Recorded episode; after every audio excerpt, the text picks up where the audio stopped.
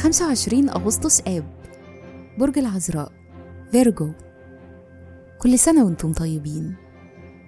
الصفات العامة للبرج أهل الثقة الوفي العبقري الباحث الناقد والخدوم.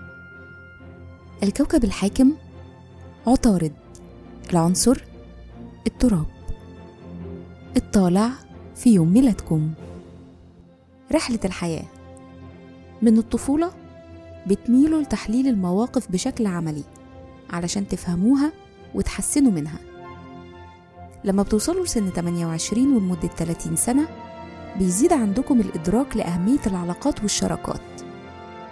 الشخصية أذكياء ومثقفين ومن جواكم كمان حساسين جدا عاطفيا. ده أحيانا ممكن يوقعكم في مشاكل ويخليكم عرضة للألم خاصة في العلاقات. مهرة العمل. متشوقين دايما للمعرفة فده بيجذبكم للمجال الأكاديمي كمعلمين أو مدربين.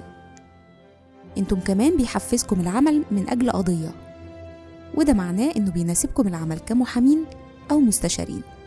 تأثير رقم يوم الميلاد بتفكروا في غيركم ونشطة ومفعمين بالحيوية.